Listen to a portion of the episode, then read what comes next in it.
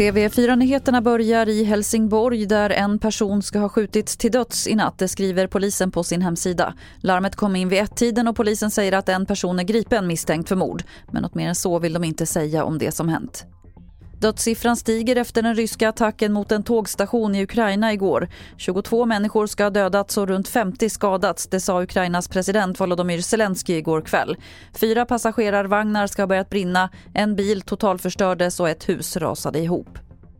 Socialdemokraterna vill att alla som jobbar i hemtjänsten och äldreomsorgen ska kunna svenska och som vallöfte presenterar partiet nu ett nationellt krav på språktest för alla anställda. Tobias Baudin är partisekreterare. Språket är A och O i äldreomsorgen.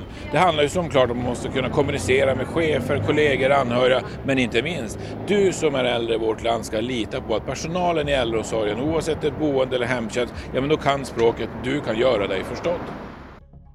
Men det förslaget tycker Sverigedemokraterna att de lagt fram för länge sedan.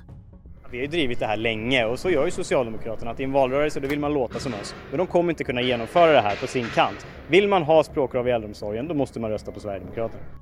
Och det sa Henrik Winge som är SDs gruppledare i riksdagen. Fler nyheter det hittar du på tv4.se. Jag heter Lotta Wall.